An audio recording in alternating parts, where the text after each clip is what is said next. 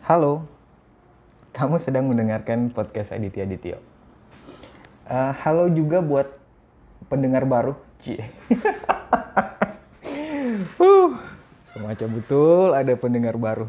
Iya, iya, ya siapa tahu kan, siapa tahu, siapa tahu ada yang baru dengar dan dengarnya baru di episode ini, ya saya say hi buat kamu. Jadi kalau belum tahu Aditya Adityo apa, Aditya Adityo itu apa, podcastnya ya, podcast Aditya Adityo itu apa. Jadi di podcast ini itu saya uh, random topik. Jadi kalau kamu dengar topiknya lompat-lompat, ya dimaklumi saja. Dan kebanyakan saya cerita soal apa ya? Apa yang saya lihat di keseharian saya, soal apa yang tiba-tiba terlintas di pikiran saya, dan ya soal itulah. E, juga ada ini, e, akhirnya saya dapat setiap bulan itu di minggu ketiga saya podcast bersama teman. Uh, iya podcast bersama teman. Jadi ya masih masih masuk di bisa dibilang masih masuk di circle saya sih soalnya kalau mau cari yang di luar itu selain ya susah juga saya masih belum percaya diri untuk uh, podcast bersama orang-orang di luar circle saya Oke, okay, uh, tadi sempat di uh, bukan sempat di pause sih. Mau tidak mau jadi uh, jadi tas stop karena ternyata masuk uh, telepon dari teman lewat WA dan itu saya baru tahu kalau ternyata kalau masuk telepon lewat WA itu uh, recordingnya langsung terstop dan tersimpan. Oke, okay. uh, jadi soal apa ya? Soal podcast sama teman, uh, podcast sama teman ya. Kenapa ini sampai tak cako gini? uh, soal podcast sama teman, itu akhirnya uh, saya bikin seperti itu bukan konsep dari awal bikin podcast. Ya, jadi itu bukan bukan konsep di awal waktu mau bikin podcast Aditya Ditio terus pikir oh ya podcast sama teman nanti uh, di minggu ketiga setiap bulannya. Bukan, bukan. Itu konsep yang muncul seiring seiring waktu, seiring uh, saya bikin tiap episodenya. Dan kalau uh, saya tidak salah, itu awalnya bisa muncul bisa muncul ide bikin seperti itu itu dari pas waktu podcast sama sama Ing sama Ed Ririn RK Corner. Nah, itu kan pas bikin itu uh, pas uh, kalau nggak iya kalau nggak salah lagi itu minggu ketiga minggu ketiga di bulan itu waktu itu. Nah akhirnya muncul ide, oh iya, uh, bikin podcast sama temannya setiap bulan saja di minggu ketiga dan uh, ya di episode sebelumnya episode 11 itu di minggu ketiganya itu saya podcast sama teman saya Dian Sangkota. Kalau kamu dengar Oh iya, uh, iya masih masih soal yang tadi. Tunggu sebentar. Masih soal yang tadi.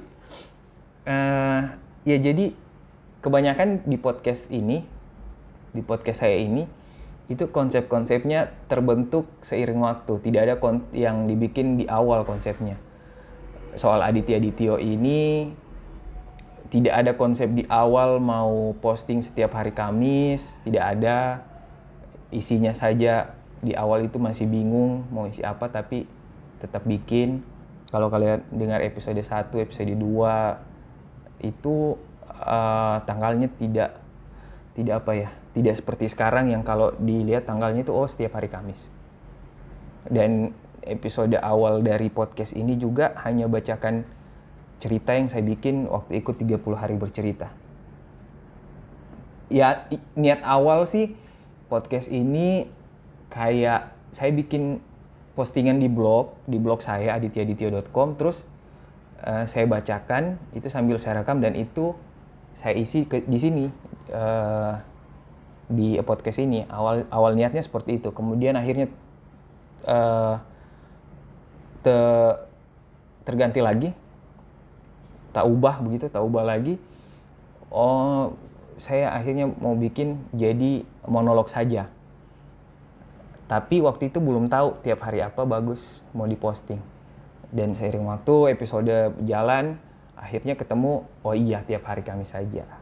Kayak begitu. Ya seperti apa ya seperti Tokopedia mungkin. Mulai aja dulu konsepnya kebelakangan. Yang penting konsisten. Nah akhirnya sekarang konsepnya uh, ya tidak tahu nantinya kalau tak ganti ya. Konsepnya sekarang terbit episode setiap hari Kamis terus uh, di minggu ketiga setiap bulannya itu ada podcast sama teman. Kalau di nah di episode sebelumnya yang seperti saya bilang tadi itu sama Dian, Dian Sangkota. Di situ kita bahas apa ya? Bahas body shaming. Jadi saya cerita lagi sedikit, saya minum dulu. Oke, air saya sudah semua semua habis. Jadi di uh, podcast itu di podcast itu ini eh di podcast sebelumnya itu itu sampai bahas body shaming itu idenya dari ide topik itu dari ini dari Dian. Jadi waktu itu kita lagi uh, lagi tangani ini kesannya kayak wah sekali. Jadi kita lagi mau foto makanan lagi mau foto makanan waktu itu uh, terus Dian kepikiran uh, dia tanya soal body shaming tapi saya bilang stop dulu. Gimana kalau kita bahasnya sambil direkam? Terus dia mau ya sudah jadinya seperti itu yang seperti kalian dengar di episode sebelumnya episode 11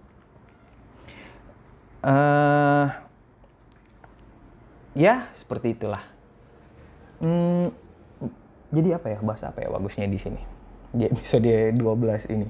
Dan saya tidak tidak tidak menyangka sih kalau saya bisa sampai di episode 12. Ya, memang sih kalau didengar-dengar episode 1 sampai episode 12 ya mung mungkin saja uh, lebih kepada kuantitas daripada kualitas. ya, begitulah. Oh iya, dan untuk uh, pendengar baru ya. Asik pendengar baru. uh, ya buat kamu lah yang dengar di sini kalau kamu misalnya mau cari mau cari yang tambah-tambah pengetahuanmu atau bahas-bahas konspirasi atau ya yang pasti ya pokoknya yang bisa tambah pengetahuanmu lah saya bisa pastikan di sini kamu tidak akan dapat itu jadi kalau tujuanmu dengar itu ya silahkan di stop lah dari sekarang daripada buang-buang waktu kamu. Tapi kalau kamu lagi gabut butuh hal yang buat menghabiskan waktu terbuang sia-sia tepat sekali kalau kamu dengar podcast ini. Uh, saya ingat ya uh, soal sosial media bisa dibilang saya itu terlambat kenal sama sosial media entahlah ya, uh, saya itu selalu selalu merasa ini kalau dibandingkan dengan uh, teman-teman saya ya, kalau dibandingkan teman-teman saya, saya itu hitungannya selalu terlambat. And, kayak misalnya waktu SMA teman-teman semua sudah punya HP, saya belum. Saya pegang HP itu eh bukan pegang, saya punya HP sendiri itu nanti pas lulus SMA. Itu saja kalau misalnya saya tidak kerja mungkin saya tidak punya HP sendiri. Ah, itu. Terus motor. Uh, di saat SMA itu teman-teman sudah punya motor, apalagi pas kuliah, saya punya motor itu nanti pas sudah tamat kuliah. Nah itu kan kalau dibanding sama orang lain itu terlambat. Uh, ya kalau sekarang pasti yang dengar ini yang tahu saya pasti langsung bilang menikah menikah. ya kalau dibanding sama teman-teman lain yang seangkatan saya itu kebanyakan sudah pada menikah. Ya hitungannya saya terlambat karena belum menikah sekarang. Kayak begitu. Tapi kan kita menurut saya kalau kita terus-terusan membandingkan diri dengan orang lain, uh, apa tidak capek gitu? Saya sih capek. Makanya kalau pakai hitungan tanpa membandingkan diri dengan orang lain, ya menurut saya itu sudah tepat waktu. Saya pegang HP, uh, eh, itu sudah tepat waktu. Tidak terlambat dan tidak terlalu dan tidak kecepatan saya pegang HP-nya pas kerja. Coba kalau misalnya saya pegang HP-nya waktu SMA. Saya kan uh, tambah pusing lagi, saya cari uang pulsanya bagaimana. Apalagi kalau misalnya HP-nya rusak, saya mau cari uang servisnya dari mana. Nah, karena waktunya tepat pas saya kerja baru bisa pegang HP, ya semua itu bisa teratasi. Iya nggak? Iya nggak? Iya nggak? Iya betul dong. Uh, sama juga kayak motor. Ya sama lah kayak HP kalau motor kan uang bensinnya ganti oli servisnya. Uh, saya tepat saya merasa tepat punya motor di waktu pada saat saya sudah kerja. Uh, saya akhirnya bisa mengatasi itu sendiri membeli beli bensinnya sendiri servis motornya dengan biaya sendiri sama uh, ganti olinya juga. Ya, kayak gitu Coba kalau misalnya saya waktu SMA juga punya. Sudah pikirin uang pulsa tadi, pikirin uang bensin lagi. Mau dapat dari mana uangnya? Belinya saja susah. iya tak? Iya iya iya toh iya kan? Astaga ini. Ini karena mau sambil minum ini. Hmm. Astaga airku so habis lagi. Nah. Nah, itu soal ini, soal terlambat dan ya kalau dibanding orang lain terlambat tapi kalau kita tidak membandingkan diri dengan orang lain ya saya yakin itu emang sudah emang waktunya gitu kayak gitu. Jadi kalau dikaitkan ke arah e, menikah saya yakin saya akan menikah di waktu yang tepat. Uh, oh iya ini ini saya rekamnya uh, rekamnya di tanggal tanggal berapa ini? Tanggal 28 dan tadi subuh itu ada gempa. Dan ternyata itu gempanya pusat gempanya itu uh, di Mamuju. Jadi itu tadi subuh sih, ya tadi subuh sekitar setengah empat. Akhirnya bikin ya tidak tidak terlalu tidak seperti tidak kencangnya seperti waktu gempa di Palu. Ya lumayan lah kalau macam orang sini bilang di bue-bue begitu, dan durasinya lumayan lumayan lama. Jadi saya cuma agak-agak lampu, agak-agak itu balet lihat ya, melihat-lihat. Jadi cuma saya agak-agak lampu. Uh, ini kalau misalnya tambah keras ini, saya langsung turun nih dari kamar ya semoga ya semoga saja tidak terjadi lagi seperti yang di Palu ya. Mudahan amin. Uh, soal gempa jadi ingat sama film yang saya nonton film seri yang yang kalau saya lihat itu dibilangnya animasi original dari Netflix Japan Sings yang kalau diartikan itu eh, tenggelamnya tenggelamnya Jepang. Jadi di film itu Jepang itu uh, tenggelam, tenggelam semuanya tenggelam, hilang dari uh, hilang dari ya hilang dari peta lah. Tapi akhirnya eh bukan tapi akhirnya dan di situ juga uh, ilmuannya sudah memprediksi bahwa berat uh, kalau nggak salah ingat 100 tahun kemudian itu nanti eh, daerah-daerah mana yang akhirnya Jepang itu terangkat kembali begitu terangkat kembali tanahnya. Gitu- ya gitulah Japan Sings nanti kalau kalian mau nonton nonton aja. Eh, yang terus yang saya ingat juga di di Japan Sings itu ada satu kebiasaan yang dari awal sampai akhir episode itu eh, sering dilakukan. Ap- ah, apa itu? Jadi eh, kebiasaannya itu berfoto. Jadi ada satu karakter di Japan Sings, dia punya apa ya namanya itu kamera kamera yang yang bisa langsung cetak. Tunggu ya, saya coba Google ya. Kamera yang bisa langsung cetak. Kamera yang bisa langsung cetak foto. Apa tuh namanya? Hmm, Polaroid. Mm-mm. Jadi mereka, jadi satu karakter itu punya Polaroid dan di satu momen yang akhirnya pertama kali mereka uh, munculkan kebiasaan itu uh, pas waktu ada di dua sisi jalan kanan dan kiri uh, mereka berkelompok. Ada yang memilih untuk ke kanan ada yang memilih untuk ke kiri. Tapi sebelum mereka berjalan sesuai pilihannya mereka masing-masing nah satu karakter ini uh, langsung bikin ide uh, silahkan kalian jalan sesuai yang kalian pilih tapi sebelum itu kita berfoto bersama. Jadi uh, seperti mencoba merekam merekam sesuatu karena karena kemungkinan besarnya tidak akan ketemu lagi kayak gitu. Jadi uh, ya dan itu kan, bisa langsung dicetak.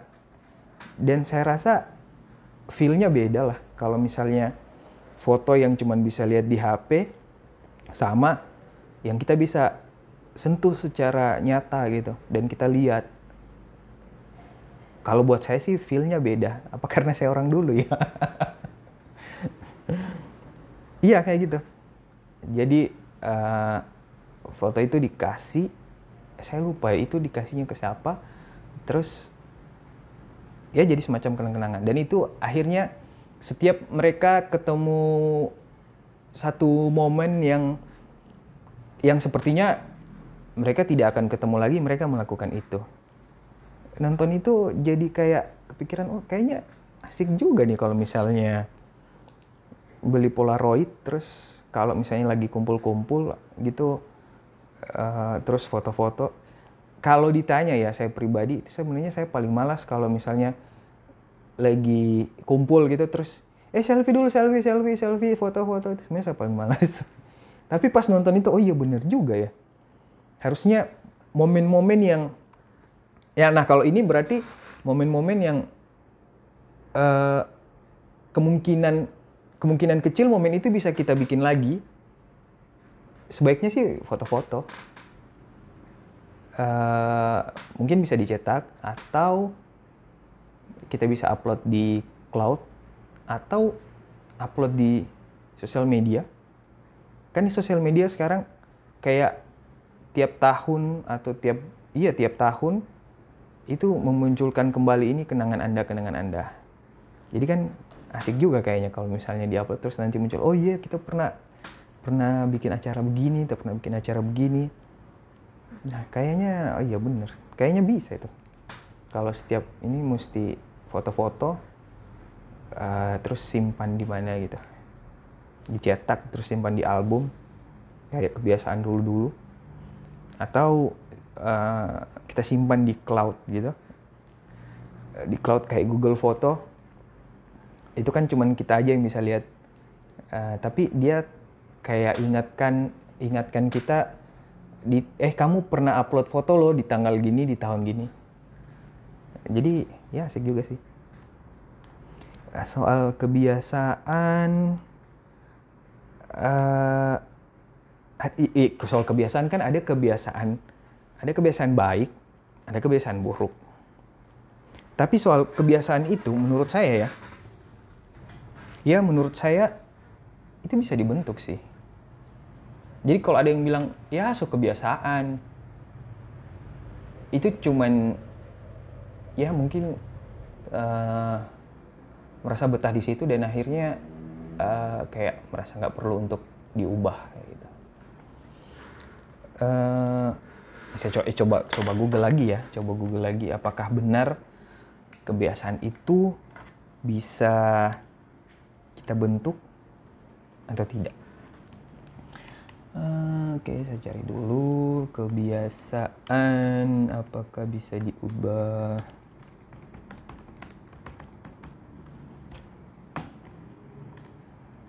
Hmm. Ini saya dapat ya nanti kalian lihat sendirilah tidak perlu saya bacakan dari awal sampai uh, titik komanya mesti saya bacakan nanti kalian lihat sendirilah. Tidak perlu saya bacakan satu-satu uh, kata per kata saya bacakan nih artikel zaman teknologi seperti ini bisa lah kalian buka sendiri. Hmm, saya tadi cari di Google pakai keyword kebiasaan kebiasaan kebiasaan apakah bisa diubah terus muncul ini uh, artikel dari psikolo psikologihore.com cara membentuk kebiasaan baru yang baik dan positif. Nah nah ini yang saya lihat. Iya benar. Kebiasaan itu bisa dibentuk kok. Uh, terus menurut siapa nih? Nah menurut Philippa Lali dari University College of London. Dia bilang sih, kalau kita lakukan itu selama 66 hari. 66 hari, kebiasaan itu akan terbentuk sama kita. Gitu sih katanya.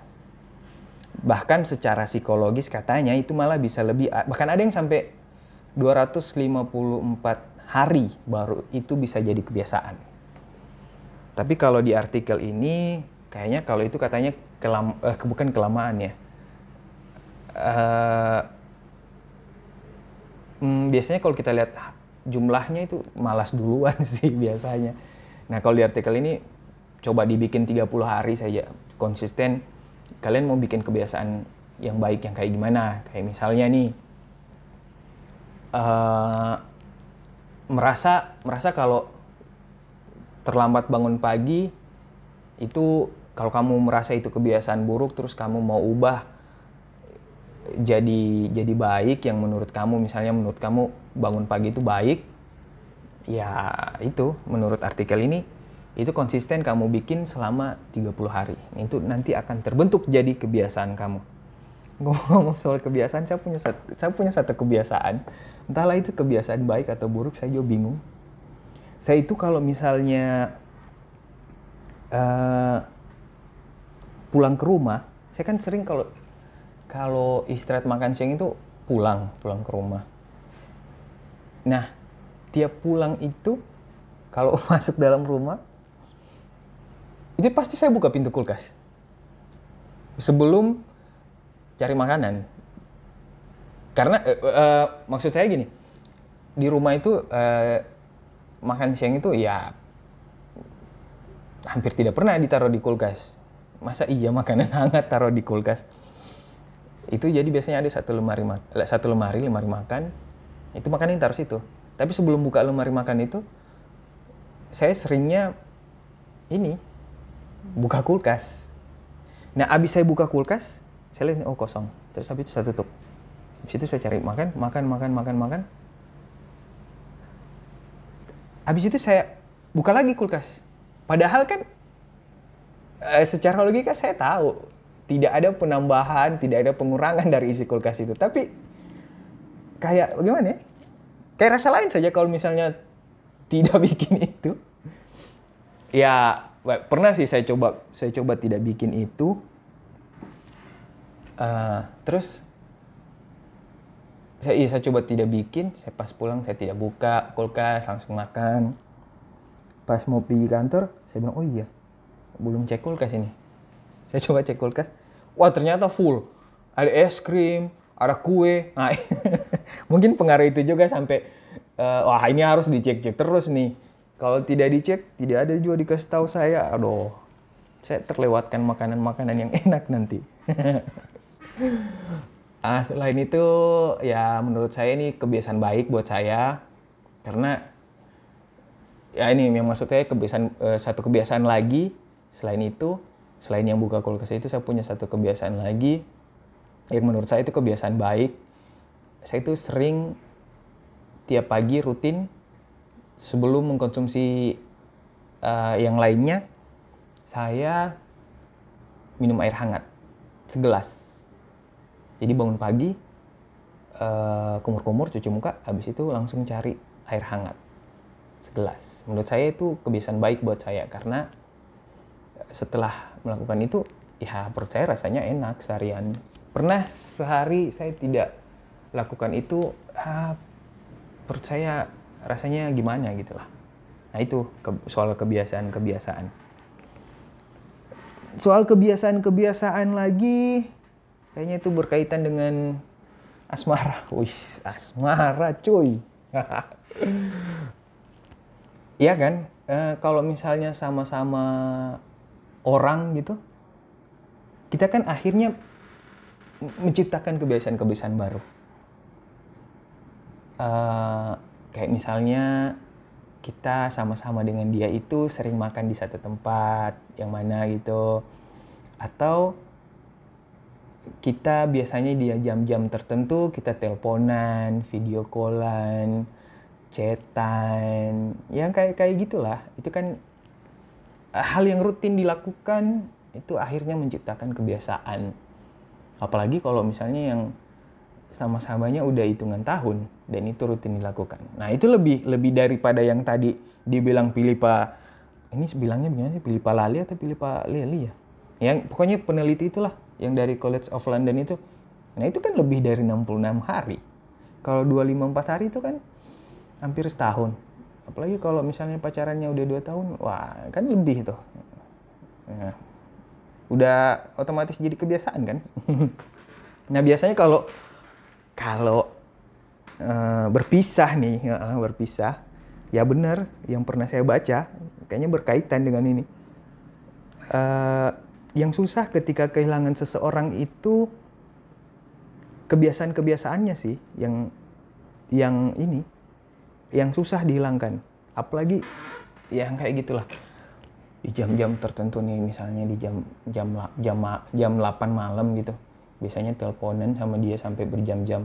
Pas udah pisah, itu pasti rasanya ah rasanya kayak gimana gitu lah. Ya lain lah. Hal-hal yang sudah terbiasa dibikin tiba-tiba ah tiba-tiba nggak dibikin uh, kebiasaan kalau misalnya setiap sore pergi makan di mana begitu habis itu langsung pas pisah sama dia ya otomatis tidak pergi lagi. Itu jadi ah, jadi sedih di situ. Jadi oh sedih. Wow sedih. Jadi ya pokoknya jadi rasa lain lah kayak gitu. Ya kayak kayak gitulah. Nah tapi kan balik lagi. Kebiasaan itu bisa kita bentuk. Ya mungkin nyesek awalnya. Karena hal-hal yang biasa dibikin sama-sama dengan dia pas sudah pisah otomatis itu nggak bisa dilakuin lagi. Ya nyesek ingat-ingat lagi kebiasaan-kebiasaan lama. Tapi sadar atau enggak pas sudah pisah kita kan otomatis tidak melakukan kebiasaan itu. Ya itu secara tidak sadar kita akan membentuk kebiasaan baru emang sih nyesek di awal tapi ujung-ujungnya ya lama-lama kita akan terbiasa kok. Tenang aja. Jadi kalau yang lagi berpisah sama oh, seseorang nih sekarang uh, ya nikmati aja dulu sih deh nyeseknya. Nikmati aja dulu. Nggak perlu uh, mencoba menolak apa yang sedang dirasain. Ya apa ya istilahnya? Uh, merayakan sesakmu lah dirayakanlah, dinikmatilah. Lama-lama kan itu akan terbentuk kebiasaan baru. Lama-lama ya akan terbiasa pergi satu tempat sendirian. Lama-lama uh, terbiasa tanpa dia. Dan akhirnya pas kalau misalnya ketemu dia lagi ya kita jadi biasa aja kayak gitu. Ya nggak? uh, ini udah berapa menit ya? Oh wah, nggak nyangka nih. Episode 12 saya monolog dan lebih dari 15 menit. Wah, ya jadi ya jadi uh, podcast Aditya Aditya ini saya monolog minimal 15 menit Terus eh ya dengan durasi minimal 15 menit saya monolog. Tiap bulan di minggu ketiga itu saya podcast sama teman eh, random random topik. Dan ini terbitnya episodenya itu setiap Kamis. Uh, dan kons yang ya kalau kalian dengar di awal seperti saya bilang tadi kebanyakan konsepnya ini bukan terbentuk di awal tapi terbentuk sesuai jalannya episode. Tiba-tiba langsung oh iya kayaknya dibikin gini kayaknya dibikin gini. Dan itu juga yang saya coba kasih masukan waktu bikin uh, jadi jadi ini podcast pribadi saya. Saya juga punya punya podcast sama teman-teman. Itu kita kasih nama senior monostereo nah uh, yang saya bilang tadi konsep tidak ada konsep di awal konsep terbentuk berjalannya waktu itu saya coba kasih masukan ke teman-teman di senior monostereo dan syukurnya mereka uh, terima Oke, uh, kayaknya segitu aja dulu deh dari aduh kayak kaku banget ya bilang segitu aja dulu deh. Oke, sampai kayaknya begitu saja dulu tahu. Nah, kalau pakai bahasa sini begitu. Oke, kayaknya begitu saja dulu ya untuk episode 12 ini. Uh, saya punya sosial media, kalau kalian mau follow silakan.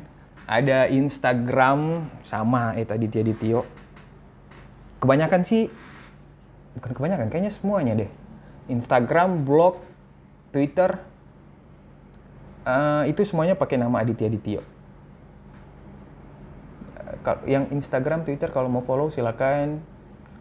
Uh, saya hobi itu sharing-sharing hasil foto saya yang menurut uh, saya itu bagus, belum tentu menurut orang lain. Ya, oke. Okay. Jadi seperti itu saja sampai ketemu di episode berikutnya. Terima kasih ya sudah dengarkan.